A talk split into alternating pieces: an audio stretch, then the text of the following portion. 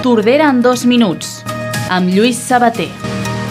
Una jornada, la d'aquest dilluns, on es posen a la venda les entrades de la programació de tardor del Teatre Claver, segons el seu director Josep Navarro, amb l'objectiu que continua sent la creació de nou públic. I la voluntat, de, tant per l'Associació d'Espectadors del Teatre Claver, com que un dels eixos fonamentals de treball dels propers anys ha de ser aquest, aquesta idea de revertir aquesta idea eh, de, de, que, de crear nou públic i que la, la gent que consumeixi cultura un dilluns on també obren inscripcions a la catequesi, es poden apuntar de 5 a 7 de la tarda al local del carrer Sant Antoni 5 i també a l'Escola d'Adults Renaixença, que obre avui matriculació. Per més informació sobre cursos, dates i preus, us podeu adreçar durant els matins a la Biblioteca de Tordera. I ahir, el tordarenc Joan Morera va celebrar la seva primera missa.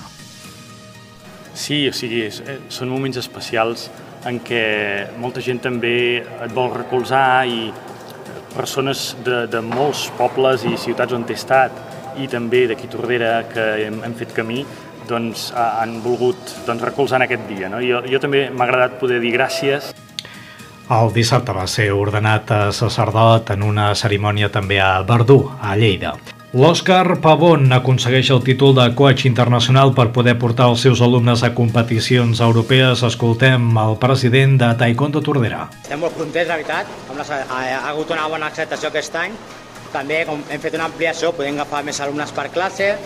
Ha passat una miqueta del tema Covid, doncs també tot això ajuda una miqueta, suposo.